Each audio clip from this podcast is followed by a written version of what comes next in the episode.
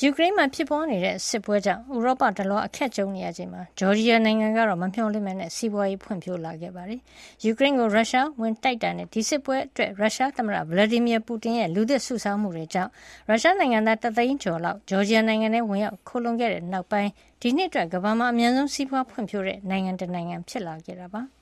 ကမ္ဘာနိုင်ငံအများစုမှာ စီးပွားရေးရိုင်းနေပြီးကတ်ဆိုင်မဲ့အန်ဒီယာကြုံနေရချိန်မှာ လူဦးရေ ၃ သန်းခွဲကျော်နေထိုင်တဲ့ ဂျော်ဂျီယာမှာတော့ ဒီနှစ်အတွက် စီးပွားရေးက10ရာခိုင်နှုန်းလောက် တိုးလာနိုင်ခြေရှိတယ်လို့ စီးပွားရေး စောင့်ကြည့်လေ့လာသူတွေက ပြောပါတယ်။ဖေဖော်ဝါရီ24ရက် ယူကရိန်းကို ရုရှားဝင်တိုက်တဲ့နောက် ဂျော်ဂျီယာနိုင်ငံနဲ့ပထမအကြိမ်ဖြစ်တဲ့ရုရှားနိုင်ငံသား4000ကျော် ရောက်လာတာ